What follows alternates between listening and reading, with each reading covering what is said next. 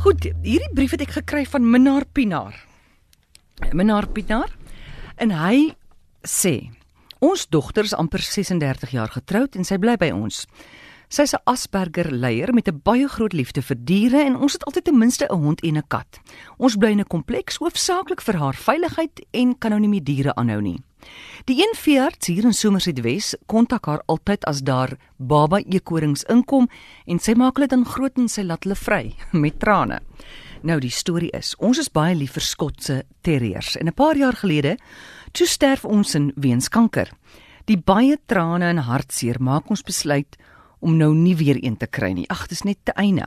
Maar die voorneme hou nie lank nie. My dogter, Lalia, het so behoefte aan 'n hond dat ek en haar ma instem om nou maar vir haar 'n hond te gaan kry. Ons praat met die owerhede, jep, ons gaan vir haar 'n hond kry. Nou begin die gesoek. Die vereistes is dat dit 'n TV moet wees en sy moet al huisslim wees. Ons soek in bid, in soek en bid, maar die wat op ons pad kom is te duur of te ver. Een donderdag aand, nadat ons nou al omtrent 3 weke gesoek het, vra my vrou wat die hond se naam gaan wees. Want moet want ons moet darm vir die hond by die naam bid. Ek antwoord dat daar net een naam is, aangesien sy Skots moet wees, is dit Molly. Daai naweek bid ons dat God tog 'n Molly vir ons sal stuur. Die maandagooggend lui my foon en is my vrou en sy sê sit jy. Ek wil dadelik weet hoekom.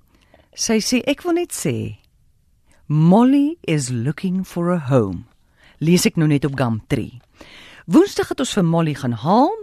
Kon nie wag vir die naweek nie en ons jubel en juig. Vandag steeds oor Molly wat steeds ons lewens regeer. Haar oorspronklike eienaars wou haar nie meer hê nie omdat sy geniepsig was teenoor hulle kleuter en omdat sy graag die pad gevat het. By ons sit sy rustig op die stoep, loop hier rond nie en was nog nie eendag lelik met enige kleuter in ons kompleks nie.